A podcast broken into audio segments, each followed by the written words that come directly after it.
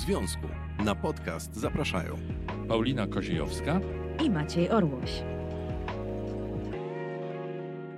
Dzisiaj porozmawiamy o pieniądzach, także bardzo gorący temat. Naszą gościnią jest Joanna Przetakiewicz-Rojens. Dzień dobry, Jasiu, witamy Cię. Dzień Bizneswoman, przedsiębiorczyni, wspierająca kobiety, założycielka ruchu Era Nowych Kobiet. No i właśnie dlaczego z Tobą o pieniądzach? No bo napisałaś książkę Pieniądze szczęście dają i Ty się też nie kryjesz z tym, że uważasz, że powiedzenie pieniądze szczęścia nie dają powinno pójść do lamusa i ono nie jest prawdziwe i mówisz, że lubisz pieniądze. No i ja tak sobie pomyślałam, że te pieniądze w związku to jest ogromnie problematyczna sprawa.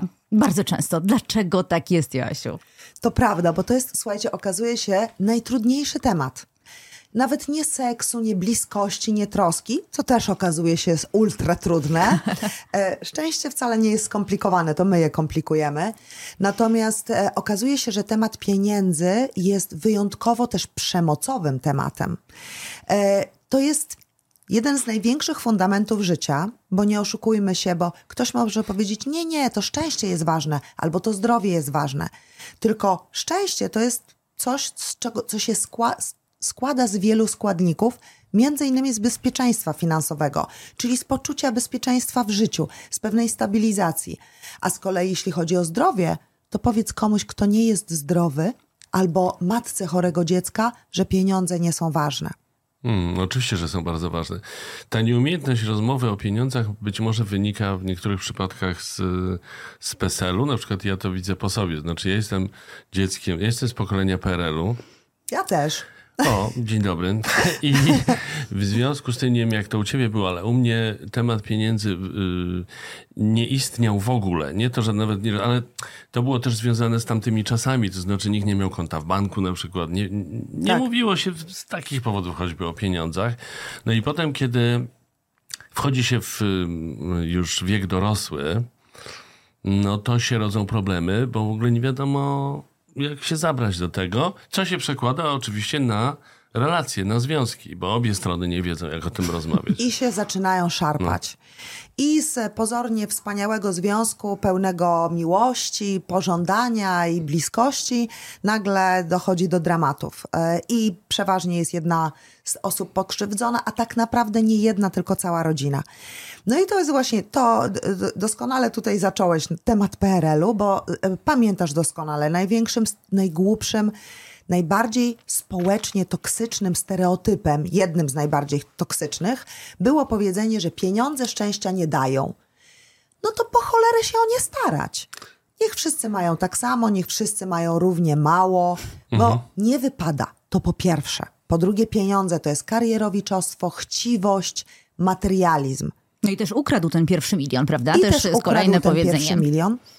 Wszystkie te głupie definicje i potwornie bezmyślne i bardzo takie właśnie niesprawiedliwe również społecznie spowodowały, że nam o pieniądzach rozmawia się tak trudno. No bo przecież dżentelmeni i damy o pieniądzach nie rozmawiają. No czy ktoś słyszał większą bzdurę? I to jest właśnie tak, jak mówią psychologowie. Unikanie trudnych tematów doprowadza do dramatu na przyszłość. I tak się dzieje. Słuchajcie, ale tak e, słuchałam t, to, o czym mówiliście o tym PRL-u. No i e, znaczy, wtedy to w zasadzie w Polsce nikt nie miał. No, część osób miało, ale większość osób nie miało. I się mówiło tak, że młodzi się dorabiają, prawda, razem, wspólnie.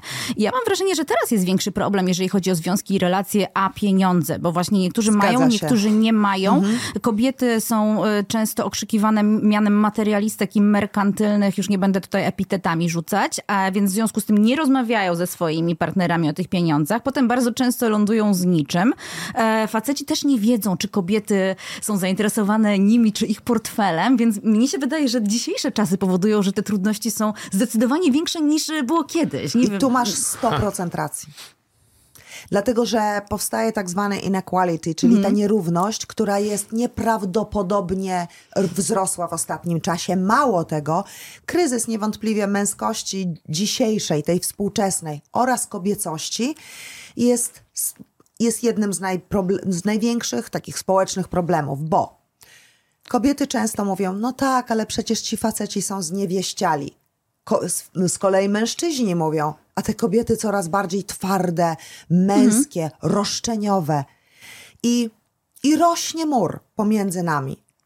a tak naprawdę e, wszyscy jesteśmy coraz bardziej samotni i nieszczęśliwi i niezrozumiali.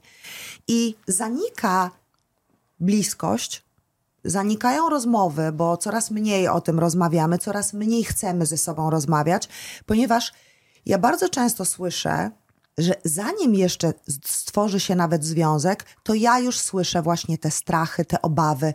No ale co to będzie? Oni się boją e, silnych kobiet, dzisiaj mężczyźni.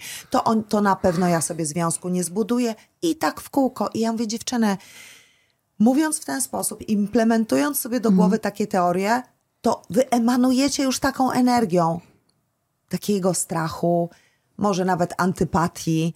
W związku z tym to ni do niczego nas nie prowadzi. I to jest najwyższy czas, żeby to naprawić. I dlatego kolejny, e, kolejna nasza książka nosi już następny tytuł. To będzie Miłość, Władza i Pieniądze, który właśnie będzie mówił o przede wszystkim o pieniądzach w związku. Będzie, to, to będzie kolejna ogólnopolska akcja, która będzie miała zaprzeczyć i pomóc w tej wojnie, która się nam, między nami zupełnie niepotrzebnie toczy. To bardzo dobra wiadomość. Ale słuchajcie, wyobraźmy sobie taką sytuację, mhm. żeby to jakoś ukonkretnić. Y, mamy parę następującą. On bardzo bogaty, człowiek sukcesu, y, biznesmen, ona y, bez takiego sukcesu. No i się spotykają i tworzą związek i wszystko między nimi gra. Będzie być może ślub. Jak oni powinni sobie ułożyć sprawy finansowe tak, żeby było jak najlepiej? No właśnie, i tu się wszystko Aha. zaczyna od rozmowy, od intencji, od bliskości, bo to jest w tym momencie decyzja ich obojga, na co chcą sobie pozwolić. Bo oczywiście sytuacja nierówności takiej dużej finansowej jest zawsze najtrudniejsza. Mhm. Bo tak jak powiedziałaś, tak. kiedyś, kiedy zaczynaliśmy mhm. wszyscy z tego samego mniej więcej pułapu, wszyscy mieli mniej więcej to samo, czyli nic, to było, to było łatwe. I to jest, powiem wam, że bardzo ciekawie e, na to odpowiedział ostatnio mój kolega, e, profesor Sobierajski, bo właśnie dokładnie takie, mm, zaczęliśmy sobie opowiadać takie historie i przykłady, i ja mówię, no tak, no ale to jest bardzo trudno stwierdzić, co jest czasami kaprysem, co jest potrzebne w domu, co jest niepotrzebne, określić te sytuacje, mhm. określić swoje marzenia, priorytety, bo może naszym priorytetem jest posiadać wspólny dom jak najszybciej, a może tym, że chcemy najpierw podróżować, a może tym, że chcemy studiować i się rozwijać. Wszystko zależy oczywiście od jakiego pułapu startujemy. I ja mówię, wiesz co, mm, często jest tak, że kobieta na przykład mówi, o, marzyłoby mi się to i tamto. No ale co, jeśli naprawdę nas na to nie stać? A on, znaczy, na co Tomek mówi do mnie świetnie. No ale jeszcze gorzej, jak na to nas stać, a on tego nie chce. Więc wszystko zaczyna się od rozmowy, od tego, żeby to, co jest w tej książce bardzo ciekawego i bardzo nowatorskiego, to jest umowa na szczęśliwe życie. Mhm. Żeby usiąść, to jest tylko jedna strona A4. I na głos wypełnić tą umowę, żeby usiąść tak jak my teraz naprzeciwko siebie, najlepiej przy stole, bo to jest najbardziej wartościowa, jak się okazuje, jak psychologowie doszli do wniosku, rozmowa. Przy bo jest stole? takie skupienie, mhm. bo jest patrzenie sobie w mhm. oczy, bo nic nas nie dystraktuje, bo nie idziemy na spacer, nie mijamy 100 tysięcy rzeczy po drodze, tylko naprawdę jesteśmy skupieni na sobie. I żeby sobie odpowiedzieć na pytanie, co jest naszym priorytetem, jakie są nasze wspólne cele, a jakie oddzielne, ile pieniędzy konkretnie, ponieważ pieniądze są bardzo policzalne, ile pieniędzy potrzebujemy na to czy na tamto, czy się w tym ze sobą zgadzamy, bo właśnie przez brak takich rozmów e, od początku narasta problem. Wiecie, bo może się okazać, że mamy totalnie inne zainteresowania, bo są na przykład ludzie, którzy mają ogromne pieniądze, ale ich nie wydają i nawet często zastanawiamy się, na co oni zbierają. No i jeżeli taki mężczyzna się trafi, a kobieta, która jest rozrzutna, no to takie osoby się nie dogadają, nie, nie ma no szans, to jest, prawda? To jest bo... właśnie tragedia już od razu rozpisana w kilku aktach. Więc wiesz, ona to, ona to kumuluje w sobie, że on jej nic nie kupuje, że nic go nie interesuje, że nigdzie nie wyjeżdżają, że nie wiadomo na co zbierają, a jemu się wydaje, że jest wszystko okej, okay, no, prawda? Bo on sobie to... też nic nie kupuje. No tak. No, jakby to Właśnie. przegadali i to spisali, to znaczy, gdyby ona powiedziała, posłuchaj, wszystko jest super, ale tu musimy to zmienić, bo ja mam takie, takie potrzeby, ja to lubię mhm. zbierać torebki czy coś innego i chciałabym, żebyś to uwzględnił. To tak jakby się na to umówili, no to albo powie tak, albo nie. Jak powie nie, no to może nie powinni być razem. No właśnie, no więc im wcześniej będziemy to wiedzieć, ustalimy sobie pewne pewien plan życia. To jest tak ważne. Zobaczcie, dzisiaj tak, ludzie, młodzi ludzie chodzą na nauki przedmałżeńskie, coś tam czytają, jakieś poradniki, z których albo niewiele rozumieją, albo niewiele do nich dotrze, albo w ogóle, szczerze mówiąc, e, e, Dużo się mówi dzisiaj o dobrostanie, o mindfulness, o self-care, self-love, ale co to w ogóle znaczy? Tego nikt nie wie albo się nie zastanawia. Tak jak kobietom się mówi, bądź pewna siebie. Ale jak? Wiecie, to jest, i to jest tak, ja czytam mnóstwo takich różnych porad, słuchajcie, na TikTokach, Instagramach i one wcale nie są głupie też, tylko one traktują jakiś wierzchołek góry lodowej. Na przykład ym, sieć prosto, ym, chodź, y, chodź po jednej linii, mów 25% ciszej, ale 25% szybciej, patrz w oczy. No ale wiecie co, to jest tak bardzo odległe od tej prawdziwej pewności siebie, bo co ją daje? Poczucie niezależności i bezpieczeństwa. Mhm. A poczucia bezpieczeństwa nie zbuduje się tym, że się mówi ciszej czy głośniej. No ty też powiedziałaś w jednym z wywiadów, że praca i e, jakieś obowiązki dają ci poczucie niezależności. To jest totalne. Mhm. To jest właśnie to, co właśnie przykład, który, e, który podałeś, bardzo taki ciekawy, ponieważ nie ma nic ważniejszego niż praca czy rozmowa na, na konkretnych przykładach. I to jest bardzo często właśnie tak się dzieje, że mężczyzna, który jest na przykład starszy, zamożny, spotyka się z kobietą, która jest młodsza i która dopiero startuje w życie. I bardzo często następuje ten błąd, że on mówi tak: Kochanie, ja jestem starszy, ja biorę na siebie płacenie rachunków, takich rzeczy, ty się tym w ogóle nie przejmuj. Ty mhm. w ogóle sobie tym nie zawracaj głowy. Ty się teraz e, skup na tym, żebyśmy założyli rodzinę, żebyśmy byli szczęśliwi, żeby, żebyśmy mieli pyszne jedzenie w domu i tak dalej. Ty sobie idź do kosmetyczki. Po co ty będziesz jakimiś bankami mm -hmm. sobie głowę zawracała?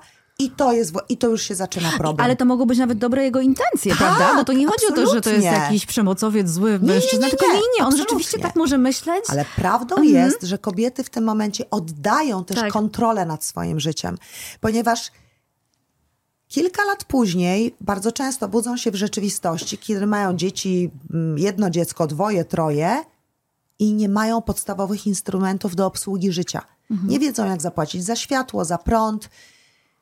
Czują się coraz bardziej bezradne. I dlatego psychologowie uknuli to wspaniałe hasło, że obowiązki to wolność, że wzięcie na, so na siebie odpowiedzialności za swoje życie to jest niezależność. Mm, to ciekawe. Y, ale możemy jeszcze na chwilę wrócić do, te, do tego kontraktu, do tej umowy spisywanej, mm -hmm. że, że powinno się tak usiąść przy stole, spojrzeć sobie w oczy. Mm -hmm. Znaczy, to brzmi świetnie. A jak y, z Twoich y, doświadczeń, obserwacji wynika, jaki procent par to stosuje? Dzisiaj, tak jakbym spojrzała mm. na to, spojrzała na to tak z dużej perspektywy i po wielu rozmowach, które odbyliśmy i badaniach fokusowych, może 2%. No właśnie, bardzo mało. Ale z czego to wynika? Że kobiety się boją właśnie, że zostaną okrzyknięte mianem materialistek? Tak, tak. ze mhm. stereotypów. Właśnie z takich toksycznych stereotypów, o których Maciek wspomniał wcześniej, czyli z PRL-u, który był jeszcze nie tak dawno. Słuchajcie, jak spojrzymy na w ogóle na historyczne, na historię, na, jak spojrzymy na to, że kobiety nie miały prawa do e, głosu, nie miały prawa do wyborów, nie miały prawa, żeby podpisać żeby posiadać konto w banku albo podpisać umowę o pracę bez zgody męża. Jeszcze w połowie XX wieku mówię o, e, mówię o e, rówieśniczkach Brigitte Bardot, mm nie mówię o średniowieczu.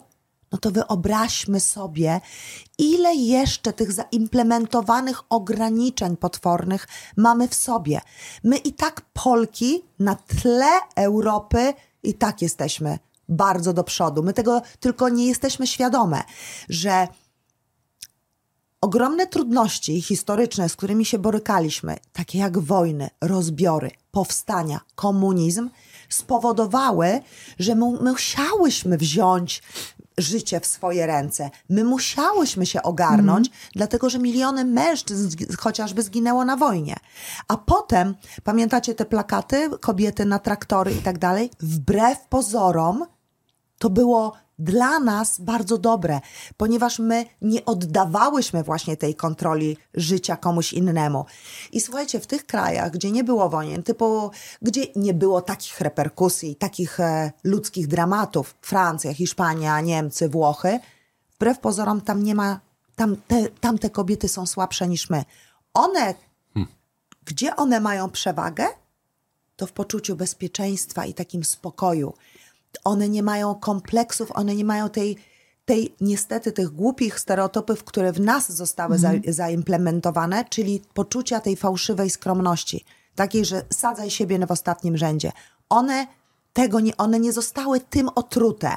My tak, ale z drugiej strony nasza siła sprawczości jest o wiele większa. Mhm. A czym jest twoim zdaniem równouprawnienie w związku? Czym jest ta równość? To jest to jest, trzeba potraktować mm, trochę rodzinę jak firmę. Mm. Ale to nie może być tak, że jest właściciel i pracownik. Bo często tak w małych firmach jest, prawda? Tak. Że jest jeden dyrektor, właściciel, prezes zarządu i pracownicy albo pracownik. I tu znowu zaczynamy od tego, że najważniejsza jest rozmowa. To ustalenie między sobą, co dzisiaj co my przynosimy, bo wiecie co? Największą niesprawiedliwością kobiet, mhm. również wobec siebie samych, jest to, kiedy kobiety mówią o sobie: Ja siedzę w domu, nie pracuję. A tymczasem zasuwa na trzech etatach z mhm. dziećmi, z przedszkolami, z odrabianiem lekcji, z ogarnianiem y, finansowo również tego domu. I zobaczcie, jak ona już sama siebie, sobie umniejsza. Spójrzcie, jak już ona jak już się buduje, jest ogromny dysbalans i brak szacunku do tego, co ona robi. Ja mówię dziewczynom, nigdy nie mówcie o sobie, ja nie pracuję. Mhm. Bo chyba, że w śpiączce jesteś, tak jak mówi Kasia Kucewicz, psycholog, bo to jest jedyny, to jest jedyny e, case, jedyny przypadek, kiedy kobieta nie pracuje. Mhm. To kiedy po prostu leży, jest mhm. nieprzytomna. W związku z tym niepracująca zawodowo, to jest zupełnie co innego. I dlatego to równouprawnienie to jest to, że to jest taka sytuacja, kiedy ja nie pracuję, ponieważ decyduję się na to, ponieważ w tym momencie na przykład priorytetem jest dla mnie rodzina, ale to nie znaczy, że ta moja praca nie jest tyle samo warta, co twoja. Mhm. I to, co z kolei mówi profesor Bodnar w naszej książce, y, dzisiaj minister sprawiedliwości, alimenty to nie prezenty. E, kobiet, większość kobiet w ogóle nie jest świadoma tego, że ona rezygnując z pracy, poświęcając się rodzinie, połowa pensji jej męża należy do niej i nie musi się ze wszystkiego spowiadać i o wszystko prosić. Więc to jest szalenie ważne. Słuchajcie, ja mam taką jedną historię, która cały czas e, mi, e, którą cały czas mam w głowie, a mianowicie Kasi i Tomka, więc tak trochę filmowo. Ale to jest, to jest historia z życia wzięta od jednej z naszych superenek, która opowiadała, że słuchajcie, była ze swoim chłopakiem, byli już razem na studiach, startowali z równego pułapu, czyli tak jak kiedyś, czyli oboje nie mieli nic. Skończyli oboje prawo, postanowili założyć kancelarię, radco, e, kancelarię prawną, oboje e, byli radcami prawnymi. No i słuchajcie, doszli do wniosku, że wobec tego Kasia zostanie w domu, no bo już ta kancelaria istnieje, oni już skończyli studia, aplikacje, no są dorosłymi ludźmi, najwyższy czas założyć rodzinę. No i słuchajcie, tak zrobili. Kasia została w domu, mhm. urodziła dwójkę dzieci, kancelaria dalej e, się rozwijała pod e, skrzydłami jej męża, tak jak się umówili. Kasia e, była mamą, była żoną, dbała o dom. No i słuchajcie, wyjechali na wakacje. Pierwsze wakacje po kilku latach. I pierwszy dzień tych wakacji. I mąż mówi do niej tak. Dzieci zaczęły marudzić, jak to dzieci. I to jedno zdanie powiedziało wszystko. On powiedział tak: Róż dupę, zajmij się nimi, bo ja jestem sponsorem tego wyjazdu. Mm. I Kasia zdała sobie sprawę, że to był pierwszy dzień ich wakacji i ostatni dzień ich małżeństwa. Ponieważ no. przez te kilka lat nie rozmawiali o tym, co jest ważne. Nie rozmawiali o tym, że jej praca jest tak samo ważna jak jego, że ona buduje ich wspólnotę i dobrostan. I, a często słyszymy od mężczyzn, e, ja jestem bankierem, ja jestem sponsorem. W ogóle to słowo, Słowo już jest jest, obraźliwe. Dobra, czyli, czyli w takiej rozmowie, w tym, te, tej, na początku gdzieś tam, kiedy się ta para ten układa w związku, to powinno się takie rzeczy też ustalić. Bo ty, ty mówisz o alimentach, ale ja rozumiem, że nie chodzi tylko o alimenty, znaczy, że płacenie na dzieci po rozstaniu, ale o, mówisz o podział pieniędzy o w podział związku. pieniędzy. Tak, czyli jeżeli jest taka sytuacja, jak Kasia i Tomek yy, mieli, czyli że on pracował zawodowo, a ona pracowała Tak. w domu, to powinni byli gdzieś na początku sobie powiedzieć, dobra, to jest moja praca, to jest twoja praca, za to należą ci się pieniądze i ja ci będę co płacił? To jest nasze. Ale Nie, nie płacił. sobie. Nie, ja nie będę ci płacił, bo już samo to, że No płacił, to Aha. już e, b, e, k- kreuje jakąś formę pracodawca, pracobiorca, prawda? To, jest, to są nasze pieniądze.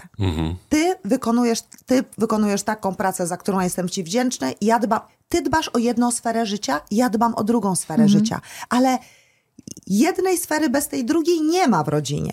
W związku z tym to jest właśnie bardzo ważne, żeby też tą rozmowę cały czas kontynuować, żeby ją weryfikować, bo może dzisiaj nasze priorytety są takie, może jutro są inne, ale prawdą jest, że kobiety bardzo często właśnie pozwalają e, sobie umniejszać i pozwalają same sobie na to, żeby stawiać siebie właśnie w roli tego pracobiorcy, w roli pracownika, w roli tego, któremu e, trzeba wydzielać pieniądze, z których ona z kolei musi się tłumaczyć. Oczywiście, wiesz, wiecie, ja nie mówię tutaj jakiejś patologicznej No sytuacji, że jest e, e, ktoś e, nienormalnie rozrzutny, ale prawdą jest, popatrzmy, popatrzmy na polskie rodziny.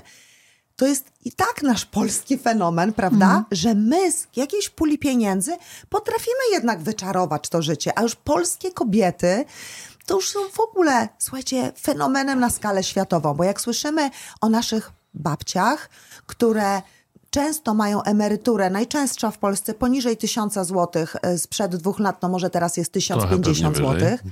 I one w dalszym ciągu potrafią jeszcze zaoszczędzić, potrafią utrzymać się z tego. To jest, to jest niewiarygodne. A co jeżeli dwie strony zarabiają, tylko że jest dysproporcja finansowa? Bo tutaj mówimy w przypadku Kasi i Tomka, że Kasia wychowywała dzieci, zajmowała się Tak. domem, a mąż e, zarabiał pieniądze. A Jeżeli obie strony pracują, no tylko że jedna ze stron zarabia zdecydowanie mniej. I nawet tutaj może już przestańmy dzielić na kobiety mężczyźni, bo Nie, zaczyna się ktoś dziać ma- teraz ktoś tak, że kobiety lekarzem, więcej... a ktoś ma działalność gospodarczą. Na przykład. I, albo nauczycielem. I ktoś ma po prostu pensję, wykonuje super zawód, ale ma pensję, Tak. a ktoś może zarabiać o wiele, wiele więcej. To jest chociażby właśnie I właśnie przykład tu- mojej koleżanki. On lekarz ginekolog, ona e, duża firma prywatna. I no i ogromna nierówność finansowa, przyznaję, bo ona zarabia wielo, wielo, wielokrotność tego, co on. Ale mimo wszystko, tak jak ja obserwując, e, czy obserwuję różne związki, bo czasami jest to toksyczne i nienormalne i nie potrafią sobie z tym dać rady, a czasami potrafią. I, ale potrafią tylko, słuchajcie, to jest jedna, jedyna, jeden, jedyny klucz do tego. To jest miłość, to jest przyjaźń, to jest bliskość, to jest szacunek. Bez tego każda nierówność będzie wykorzystywana jako przemoc. Czyli co, takie wspólne konto sobie zrobić? No bo też z drugiej strony, wiesz, no w życiu różnie bywa, tak? Oczywiście. Więc e, ty nagle prowadzisz wielką działalność, a twój partner e, jest nauczycielem, tak? Tak. No i teraz co? I, I wszystkie pieniądze są nasze wspólne. No teoretycznie w małżeństwie tak powinno być, tak? No tylko, że Ale nie muszą. się... To zależy, słuchajcie, to jest bardzo indywidualne. To zależy od tego, jakie masz zaufanie do tej drugiej osoby.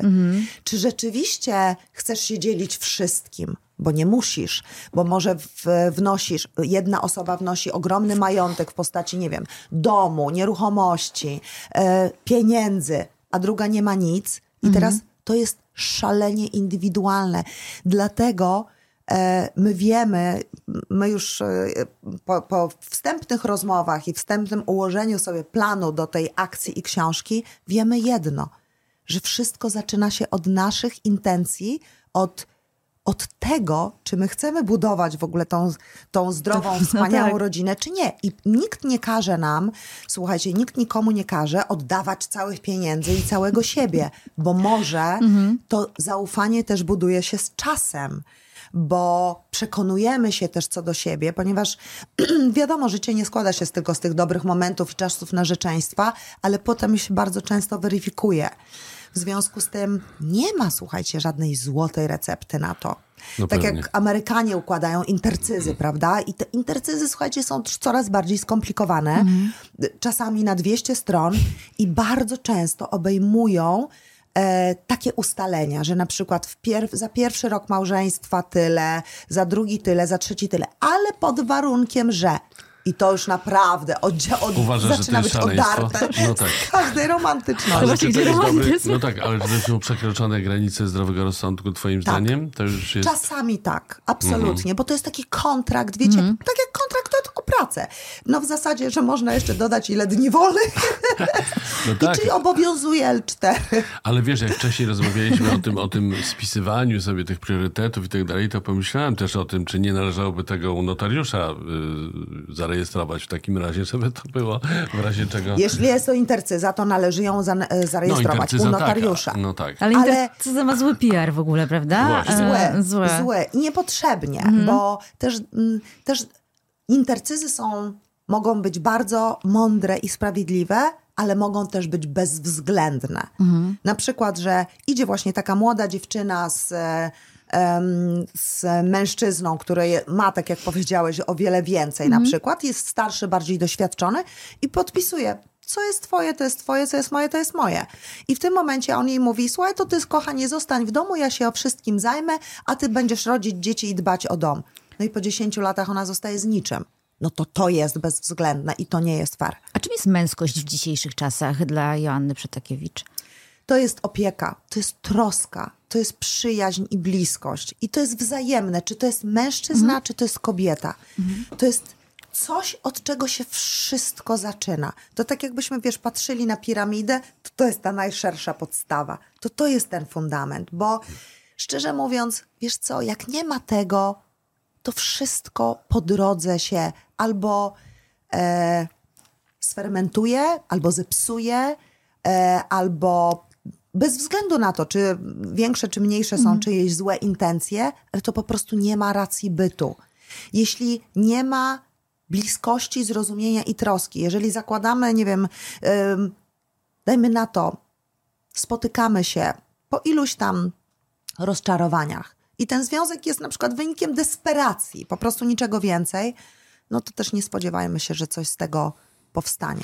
Ale czy nie jest tak, że y, męskość kojarzy się też z pieniędzmi, a w każdym razie, że no jest taki stereotyp, mm. że męski mężczyzna to taki, który się ogarnią, ogarnął, ogarnie. Ogarnięcie to już jest w ogóle inna sprawa. Absolutnie Ale tego... zarobi, zapewni tak. byt, y, przyniesie te pieniądze, to on będzie tą osobą w związku, który zarabia, potrafi i pewnie więcej mm. w domyśle od, od partnerki, żony. No i a co, co w sytuacji, kiedy tak nie jest? Znaczy, czy mężczyzna, który nie zarabia dużo, jest męski. Jest męski. I to jest właśnie najgorętszy mm. chyba temat tak. na dzisiaj i najtrudniejsze pytania. I na pewno musimy wspólnie przejść tą rewolucję stereotypów męskości i kobiecości, ponieważ często dzisiaj tak jest, że kobieta zarabia albo tyle samo, albo nawet więcej. I co wtedy? Mhm. To znaczy, że co? Mężczyzna ma zostać odarty z męskości? A ona z kolei czuć się e, głupio, że za niego może płaci albo e, więcej partycypuje mm. e, w, mm. i, i więcej pokrywa kosztów w życiu, no właśnie to teraz tylko od nas zależy, jak my to przejdziemy, bo ostatnio właśnie udzieliłam takiego wywiadu Kasi Przypyszewskiej, która, którego tematem było czego po mężczyznach dzisiaj, czego od mężczyzn oczekują dzisiaj współczesne mhm. kobiety. I to była właśnie moja pierwsza odpowiedź, bo obalałyśmy tam po kolei stereotypy. I moja, moja pierwsza odpowiedź była taka, że kobieta oczekuje dzisiaj mężczyzny bogatego w zasoby. Ogarnięcie to też jest zasób. Ambicja to też jest zasób. W związku z tym to nie są, to nie muszą być pieniądze, ale to musi być troska, to musi być umiejętność po, e, budowania poczucia bezpieczeństwa. I świetnie to określiła, słuchajcie, moja przyjaciółka ostatnio, e, której mężczyzna powiedział, no nie wiem, czy ja czuję się tak bardzo męsko przy tobie, no bo ona jest e, e, wybitna, tak to ujmijmy. A ona powiedziała, słuchaj, ale ja nie oczekuję tego od ciebie, żebyś ty mnie przebijał w jakimś temacie. Ja oczekuję od ciebie tego, żebym, żebym ja czuła się zaopiekowana, żebym ja czuła się e, zatroszczona, żebym ja czuła się kobietą, ponieważ przyjdzie do mnie mój mężczyzna i powie: Kochanie, nie denerwuj się tym, przecież wszystko będzie dobrze. I to czasami jest najbardziej męska rzecz, jaką można zrobić.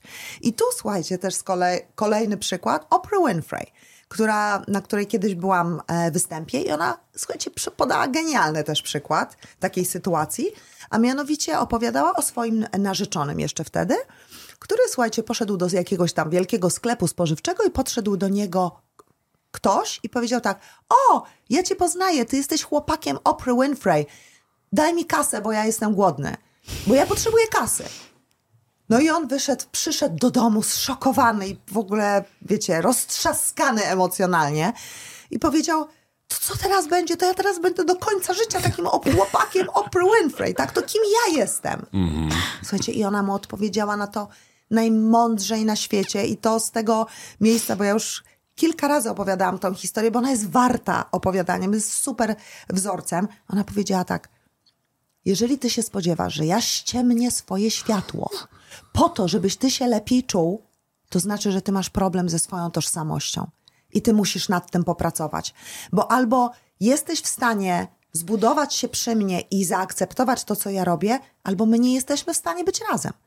I on, słuchajcie, od tamtej pory napisał 13 książek o tożsamości. Hmm, niesamowita historia. Na pewnych rzeczy nie przeskoczysz. No nie chodzi o to, żeby Ale- się też w związku licytować i, Tak. i No przeskoczyć właśnie. i ścigać No się czasami jest tak, że jedna osoba jest bardziej wybitna. Czyli dla mężczyzn to jest właściwie dobra wiadomość, nawet jeśli jesteś mężem czy partnerem no, mocnej osobowości, Mhm. To możesz być męski. Tylko no, walcz o to, żeby właśnie. czymś zaimponować nawet innym, nawet nie pieniędzmi, jeżeli nie masz możliwości, że jesteś z wykształcenia nauczycielem, a wiadomo jakie są pensje nauczycielskie, Tak. to zaimponuj tej kobiecie czymś innym. Wesprzyj ją w czymś i dokładnie w czymś innym. Niekoniecznie to musi być cash. Tak, bo wiesz, bo same powiedzenie, nie martw się kochanie, y, wszystko będzie dobrze, a ona ma urwanie głowy ze swoją wielką czym ci firmą. mogę pomóc, Tylko w czym ci właśnie. mogę pomóc, co ja mogę zrobić, tak, dla Dokładnie. ciebie. Dokładnie. No są takie ta sytuacje, kiedy, kiedy mężczyźni są postawieni. Ja się nad tym wiele razy zastanawiałem. Na przykład, ja nie pamiętam, kim był mąż Margaret Thatcher. No właśnie. W filmie też a był to chyba. bardzo widać. A, a istniał. Mężem Margaret Thatcher. Ale, Tak. ale widzicie, to było też e, wspaniałe, jak ona wracała do domu i mogła z nim wszystko przedyskutować. I on wiedział, o czym ona mówi. On się tym interesował. On mógł być jej takim sparring partnerem e, w wielu sprawach. To jest tak jak e, ostatnio wszyscy oglądaliśmy serial The Crown. Właśnie chciałam mu- powiedzieć też, Ja też. Prawda? I on był tak uroczy. Tak, kiedy wszyscy mówili, pamiętaj tylko, żebyś był jeden krok za nią, jeszcze w tamtych czasach. No było to męskie? Nie, Tak. ale z drugiej strony on rozumiał, że wspieranie jej i dyskutowanie z nią o tak ważnych rzeczach, że ona miała z kim, miała komu się wyżalić, miała z kim to przegadać. Usłyszała od niego też wiele ciekawych, mądrych rad. To jest to wsparcie. Tak, i to jest bardzo ładnie w tym serialu pokazane. Właśnie, że Tak. on był takim wsparciem, Tak. bo tam byli też doradcy, Mhm. ale jednak to nie, nie taka relacja jak z mężem. Aczkolwiek było też za- pokazane jego załamanie w którymś momencie, że on e, gdzieś nie mógł sobie z tym poradzić i bardzo g- gdzieś szukał życia towarzyskiego, życia na zewnątrz, aż w końcu zrozumiał, że nie tędy droga, bo się po prostu rozejdą. Wiesz, ja zapytałam o to równouprawnienie, o tę równość, bo teraz często się też słyszy, że mężczyźni mówią, dobrze, chciałyście równouprawnienia, chciałyście równości, to płaćmy porówno. I ja nawet przytoczę Ale przykład właśnie. takiego kolegi, Oczywiście. mojego kolegi, który mówi, że on sobie nie może znaleźć partnerki, bo wszystkie są merkantylne. Bo na randce on robi taki test, że każe płacić na spółkę. Ja myślę, no nie wiem, czy merkantylne, czy po prostu mają cię za... Bo tam No i- chodzi o to, że on się y, chce sprawdzić, czy one nie lecą na Czy jego one nie lecą na pieniądze, jego tak? pieniądze, bo on jest bogaty. No i to jest temat gigant. No i właśnie co tu... I to jest temat, słuchajcie, jeden tej chwili z takich najbardziej symbolicznych. Czyli kto płaci na randce? Tak. I ja zaczęłam ostatnio zbierać takie informacje i pytałam, py, pytam, szczególnie młodych kobiet, no bo już w tych dojrzałych związkach to już przeważnie są te tematy jakoś ustalone, no chyba, że tego związku nie ma, no to wtedy jest jeszcze większy problem. Natomiast pytam młodych dziewczyn, jak to u nich wygląda, pytam, pytam również młodych chłopaków.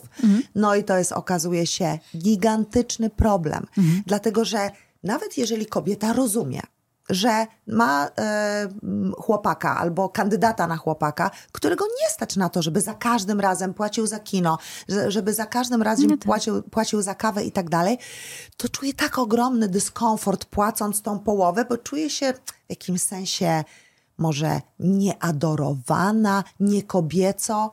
No i tu jest, no i tu się zaczyna problem. To jest najwyższy czas, żeby powiedzieć, że to jest okej. Bo jeżeli będziemy traktować e, mm, przyszłość w takich kategoriach, że chcemy być, mieć to równouprawnienie, chcemy zarabiać więcej, ale jednocześnie cof, cofamy się z pewną częścią zasad do tyłu, no to to się nie uda. Jak to się nazywało? Pamiętasz, y, z kimś rozmawialiśmy o tym w naszym podcaście. To było y, a propos seksizmu, że to jest y, taki... Życzliwy seksizm. Życzliwy seksizm mi się teraz przypomniał, bo to by się mogło w to wpisywać. Znaczy, że jak to płacisz, płacisz za No mnie, ale wiesz, no ale- ja przecież mogę sama za siebie zapłacić. Dlaczego? No Wiesz, więc, no więc jedna z, naj, szaleństwo. z najciekawszych odpowiedzi, słuchajcie, takiej młodziutkiej dziennikarki była taka, że oni zawsze ze swoim chłopakiem, chłopakiem płacą na pół, bo zarabiają tyle samo, Mhm. Ale z kolei inni patrzą na nich z dużym zdziwieniem albo wręcz z dezaprobatą.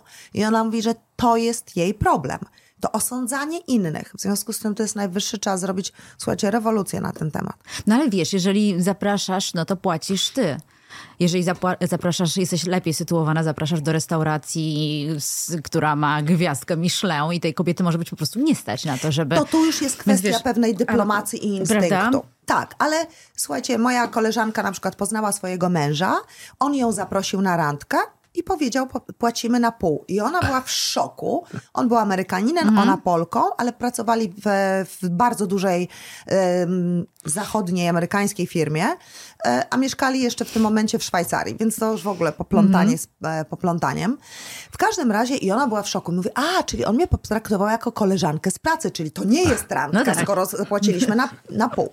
Ale następnego dnia, słuchajcie, lądują wielkie kwiaty na biurku z pięknym liścikiem. I ona mówi, no to o co to w ogóle chodzi? I słuchajcie, bardzo mądrze postanowiła go po prostu wprost zapytać, No. bo tak czasami jest najlepiej. I on powiedział, słuchaj, ja jestem wy- wychowany w amerykańskiej, konserwatywnej rodzinie i gdybym ja od razu na pierwszej randce zapłacił cały rachunek, to może ty byś poczuła się urażona, bo może ty byś poczuła, że ja roztaczam jakąś władzę nad tobą. No, No widzicie, o i to czym jest to. Powiedzieliśmy, ten życzliwy seksizm, to jest właśnie, w, w to się wpisuje. Tak, tak. No ale to jest wszystko do ogarnięcia, do ustalenia między stronami, tak można powiedzieć, prawda? Ale ciągle nie mamy tej inspiracji, żeby to robić. mimo wszystko. No, Bardzo. bo nie, bo nie, no warto rozmawiać, jak mówi klasyk. Prostu. No wiecie, ale Tak, to też wynika dokładnie. z tego, że my tak przebieramy w tych partnerkach i partnerach. No więc jeżeli ten ktoś ma 10 randek w ciągu tygodnia i nawet ta przysłowiowa kawa wtedy urasta do rangi gigantycznego wydatku, prawda? Tak, Przecież- no ja ostatnio, słuchajcie, poszłam e, do, do bardzo fajnej kawiarni, ale nie jakiejś super drogiej. Po prostu wzięłam kawę, dwie kawy na wynos, słuchajcie, i dwa, e, dwa jakieś pączki czy tam Tak. ciastka. No i słuchajcie, to kosztowało tam 80 złotych. Ja sobie pomyślałam, Boże, jak ci młodzi ludzie wobec tego, jak oni mają się na te randki Ja umawiać. nie wiem, jak oni to robią. Ja też nie wiem. A na tych Tinderach, jak się umawiają, umawiają się... To Na spacer powiedziałeś- dlatego się umawiają teraz na A, Tinderach. może, to taniej. Ale wiesz, też krążą takie porady różnych Tylko zimno że, ja, że, że, że, że na siłownię albo na bieżnię mogę pójść sama. Więc dlaczego mnie zabierasz na spacer? Ja nie jestem psem. Kup sobie No to psa. mamy odpowiedź, tak? Tak? Mamy odpowiedź. Więc to kobiety z jednej strony... No, No, jak się okazuje, strasznie trudno, tak jak powiedzieliście sami na początku, jest wystartować w nowym związku. I coraz trudniej, jak się okazuje. To jest, to jest fakt. Dlatego jeżeli nie, właśnie dzięki takim podcastom, dzięki takim rozmowom, nie ustanowimy jakiegoś nowej, jakiejś nowej kultury, no to będziemy się tak wszyscy, to będą się ci wszyscy ludzie młodzi, albo ci, którzy budują związek, męczyć. A powiedz mi, dlaczego ty się zajęłaś tak tematem pieniędzy? E, bo rzeczywiście no, wywiady, których udzielasz, to często jesteś zapraszana jako ekspertka na temat pieniędzy, na temat tego, że się ludzie wstydzą e, o tym rozmawiać. No i też wielokrotnie tobie się zarzuca, że co ona tam wie, prawda? Tak, właśnie. Że ona wszystko ma. Od zawsze Od wszystko ma. To się ogóle wszystko skąd No. wzięło, nie wiadomo skąd. Natomiast dlaczego temat pieniędzy? Bardzo dobre pytanie. Dlatego, że od kiedy rozpoczęłam ruch społeczny Era Nowych Kobiet, zaczęłam jeździć po Polsce. Słuchajcie, przez, całe, przez pięć lat odbyło się 1258 spotkań. Nie zawsze z moim udziałem oczywiście, bo bardzo często bez, ale wszędzie tam, gdzie jeżdżę, zadaję kobietom, szczególnie wtedy, przez pierwsze lata, zadawałam pytanie, co dzisiaj jest waszym największym problemem? Co jest problemem współczesnej Polki, która żyje czasami w dużym mieście, czasami w bardzo małym? I słuchajcie, zawsze ta odpowiedź jest. To są egzekwo dwa problemy. Nie stać mnie na coś, bo bardzo, bardzo rzadko one używają, kobiety używają słowo pieniądze, niepotrzebnie. Nie ale mówią, nie stać mnie na to, nie mogę sobie na coś pozwolić, na przykład ani na rozwój, ani na przyjemności, więc w związku z tym moje życie jest przetrwaniem. A drugi problem to jest problem samotności. W związku z tym ja zauważyłam, że mogę coś zrobić, mogę dużo zrobić z tymi obydwoma problemami. Po pierwsze, połączyć kobiety w społeczności, bo jak się okazuje, to jest to faktor numer jeden szczęścia na całym świecie, więc połączyć w społeczności, a po drugie, zacząć mówić, przekłuć balon i zacząć mówić o temacie, który jest, okazuje się, tym najbardziej dzisiaj schowanym problemem, który jest fundamentem życia. Bo kobiety bardzo często, wiesz, uważają to, co właśnie powiedzieliście, nie wypada im e, pytać o pieniądze, bo zostaną e, posądzone o materializm, nie wypada im negocjować również pensji, nie, wy- nawet nie umieją, słuchajcie, wycenić swojej pracy jako konsultantki, czy jako k- ktokolwiek, ponieważ nie umieją wycenić i docenić przede wszystkim swojego czasu, energii, talentu, pasji.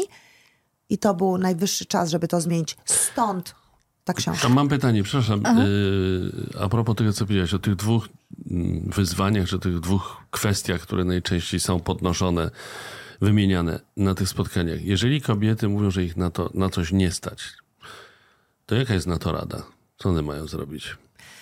Najczęściej o to dowiedzieć się, gdzie i co mogą mieć i o to zawalczyć. Bo problemem jest, słuchajcie, to co ja zauważyłam, że kobiety nie krępują się mówić o problemach, ale krępują się już mówić o tym, jak je rozwiązać. I to jest właśnie ten problem, że bardzo często na przykład nie sięgają po instrumenty, które są w zasięgu ręki. Czyli na przykład jakie No, instrumenty? czyli chociażby takie, że w pracy nie, nie negocjują podwyżki, że z mężem nie rozmawiają o pieniądzach.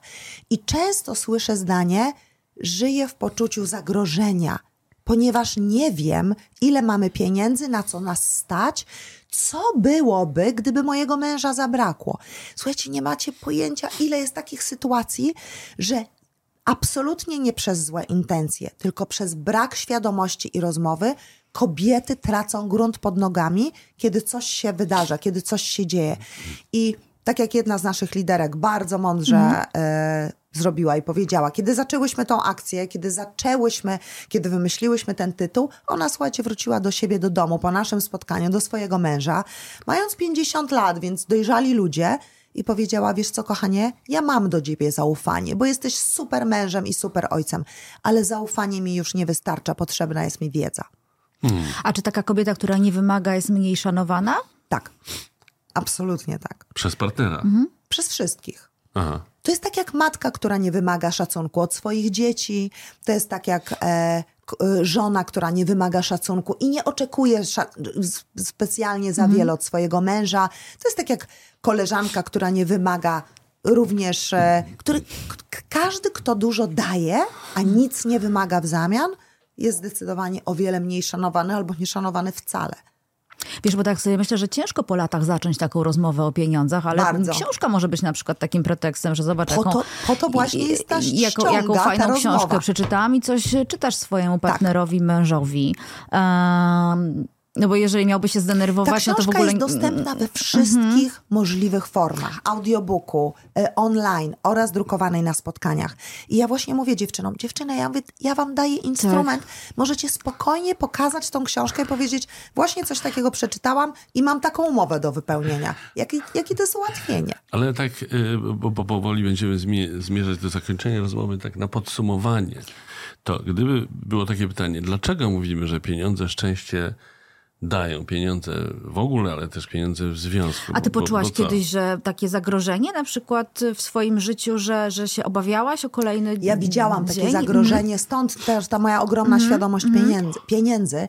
Ja widziałam takie zagrożenie w swojej rodzinie. Kiedy ja, skoń, kiedy ja miałam 11 lat, moją ciotkę, siostrę mojej mamy, zostawił mąż. I ja zobaczyłam, ona zrezygnowała ze swojej kariery, zamknęła firmę, gdzie fantastycznie jej się powodziło wcześniej, po to, żeby mieć rodzinę, po to, żeby w końcu spokojnie urodzić dziecko, ponieważ nie mogła zajść w ciążę. Lekarz powiedział jej, proszę pani, pani nie może się tak denerwować, pani nie może się stresować, proszę przestać pracować i wtedy pani poziom kortyzolu opadnie i tak dalej, adrenaliny i zajdzie pani w ciążę. Rzeczywiście tak było. I wtedy mój wujek wziął na siebie e, zarabianie pieniędzy, wziął na siebie ten obowiązek, bo głównie akurat tam było nierówność, jak na tamte czasy zupełnie po jej, znaczy o wiele więcej zarabiała moja ciotka niż dokładnie mój wujek lekarz, czyli dokładnie przypadek, o którym rozmawialiśmy. I mm, mój wujek zaczął wyjeżdżać za granicę, żeby zarobić więcej, jako lekarz właśnie. No i w pewnego dnia po prostu nie wrócił. Powiedział mojej ciotrze, że się zakochał i, i nie wraca. I ja zobaczyłam dramat bardzo mądrej, bardzo wykształconej, bardzo ogarniętej kobiety, która nagle straciła grunt pod nogami. I nigdy nie zapomnę tego, jak mówiła, ale z czego my teraz będziemy żyć? Ale pytanie, czy on przyśle pieniądze? A może coś mu się stanie, a może zapomni, a może mu się odechce. I pomimo, że nigdy nie zapomniał i nigdy mu się nie odechciało, mało tego, rozwiódł się z drugą żoną, wrócił do mojej ciotki, ożenił się z nią ponownie i zabrał moją ciotkę i swoją córkę ze sobą. Nigdy ten problem nie zniknął. Ta, to poczucie bezpieczeństwa zostało zabrane na zawsze. Dlatego ja jestem wybitnie przekonana o tym, jak bardzo pieniądze dają poczucie bezpieczeństwa. Bo to jest to, o co pytałeś, Maciej. Tak. Czemu, czemu te pieniądze są takie ważne? Bo one są poczuciem niezależności, poczuciem przede wszystkim bezpieczeństwa, a to jest emocja i poczucie kobiecie najbardziej potrzebne. Bo nie oszukujmy się, to kobieta przeważnie zostaje z e, dziećmi. To po stronie kobiety zostaje ten obowiązek wychowania. A nawet jeśli jest sama, jeśli tych dzieci nie ma, to bardzo często jest tak, że mm, zostając sama, co daje jej poczucie bezpieczeństwa? Je, nawet załóżmy, nie ma przyjaciół, nie ma rodziny, nie ma drugiego partnera, no to jednak pieniądze.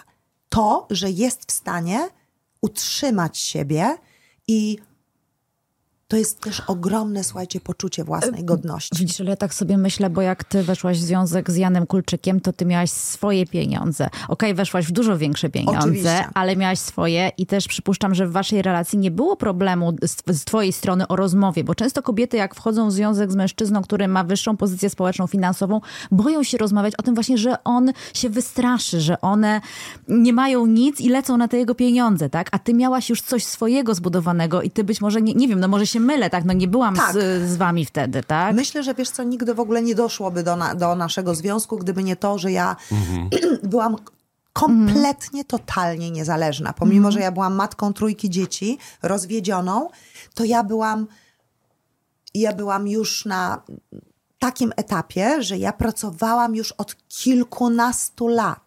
Ja miałam swoją firmę. W związku z tym e, to jest zupełnie inne postrzeganie kobiety, która jest niezależna, a takiej, która jest właśnie, może być tą, która może liczy, która liczy na, na, na pewną, nie wiem, pomoc, wsparcie, bez względu na to, jakie są jej uczucia. Natomiast U mnie akurat ułożyło się tak, że ja miałam wybitnie świadomego partnera, i który był bardzo fair. I ja w ogóle, u nas to nigdy nie było problemem. Ale prawdą jest, że w większości wypadków wymaga to ustaleń.